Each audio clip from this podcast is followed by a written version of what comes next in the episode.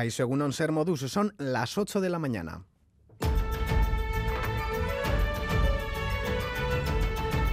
Crónica de Euskadi con Lier Puente.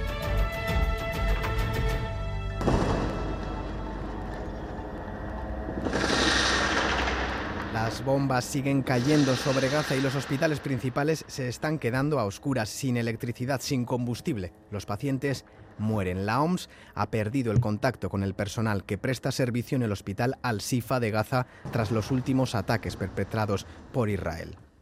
No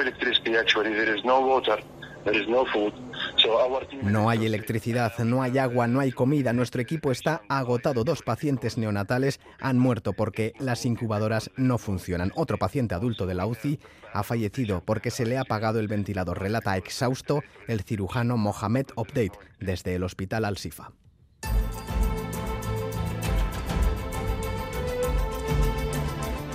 Mientras tanto, en Tel Aviv, Netanyahu, ante los focos de los periodistas Kabila, ya sobre la Gaza postofensiva. Advierte de que su gobierno está en contra de que la autoridad palestina asuma el control de la franja. Tras la guerra, mantendrán el control total de la seguridad, incluida la capacidad de entrar cuando quieran para eliminar a los terroristas que puedan surgir otra vez, afirma rotundo Netanyahu. Y en España, el líder del PSOE, Pedro Sánchez, que previsiblemente será investido de nuevo presidente esta próxima semana, ha instado a la mesura y cordura al PP frente a las críticas a la ley de la amnistía. Lo que deben hacer es aceptar el resultado de las urnas, la legitimidad del gobierno que vamos a formar pronto en España, que tengan el arrojo necesario para decir no al abrazo del oso de la ultraderecha y que abandonen la celda reaccionaria por la que hoy avanzan hacia el abismo.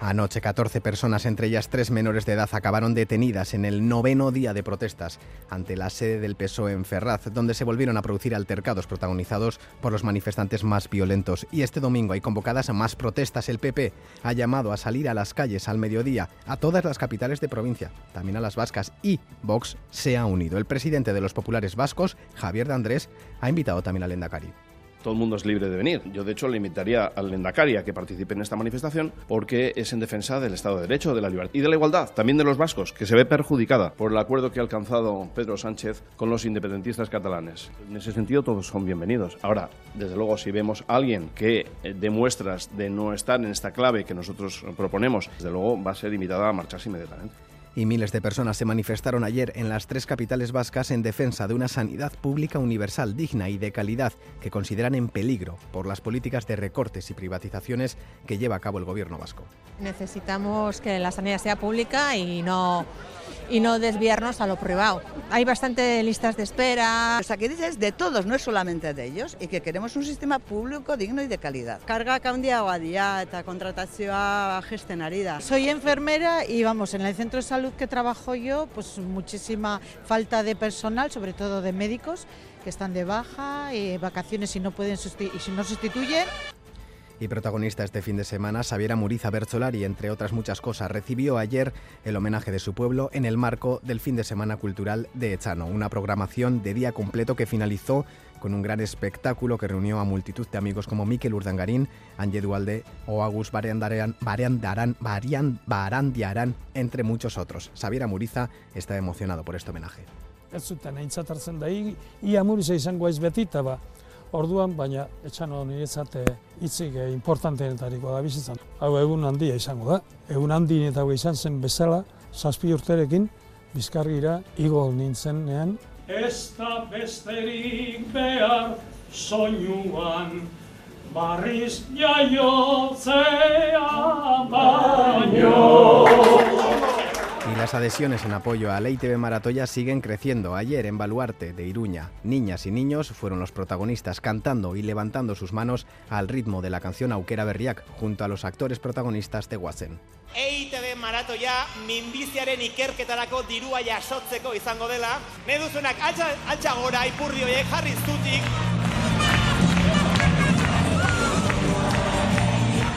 esta edición el maratón está dedicado a luchar contra el cáncer. Como cada año se pueden ya subir vídeos a nuestra web y realizar donaciones enviando un bizum al 33478 o con el céntimo solidario de Eroski.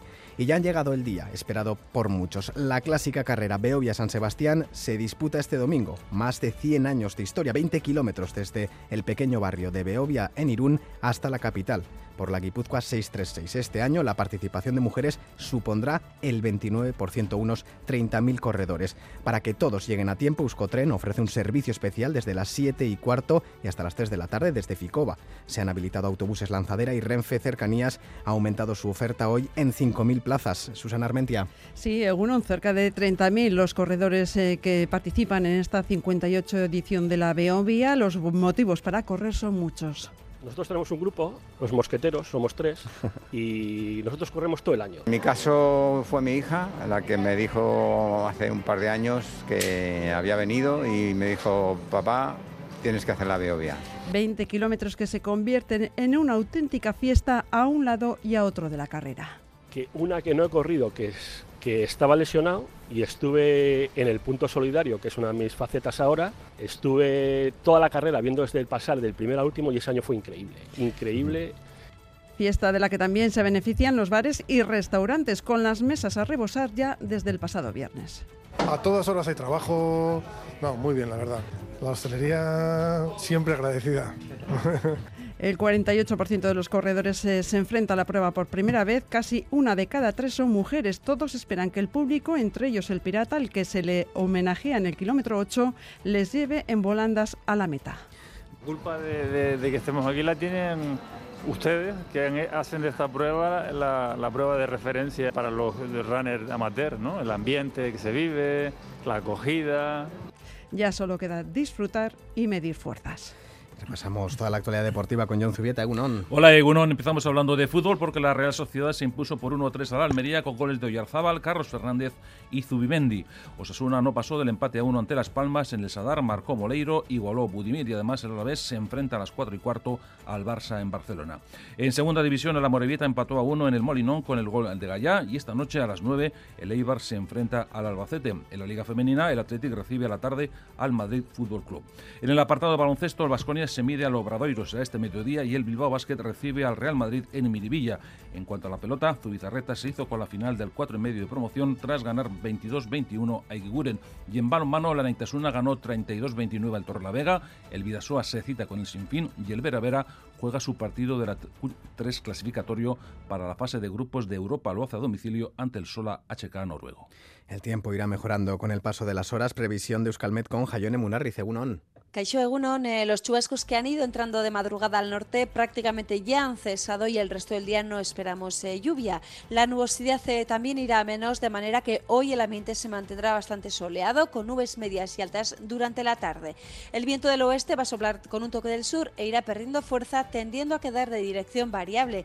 Y con esta situación las temperaturas máximas subirán algo más que ayer, situándose entre los 18 y los 22 grados. Por tanto, hoy una clara mejoría con y un ambiente muy suave. En las carreteras sin incidentes destacables, según el Departamento de Seguridad, aunque el de ayer fue un día complicado en nuestra red viaria. En Basauri, un conductor ebrio provocó un incendio en un edificio de viviendas al incendiarse el vehículo que conducía tras perder el control, salirse de la calzada y golpear contra el inmueble. El accidente provocó la rotura de la tubería de gas y el incendio del automóvil, que ha quedado completamente calcinado. Los vecinos pasaron horas de auténtico terror.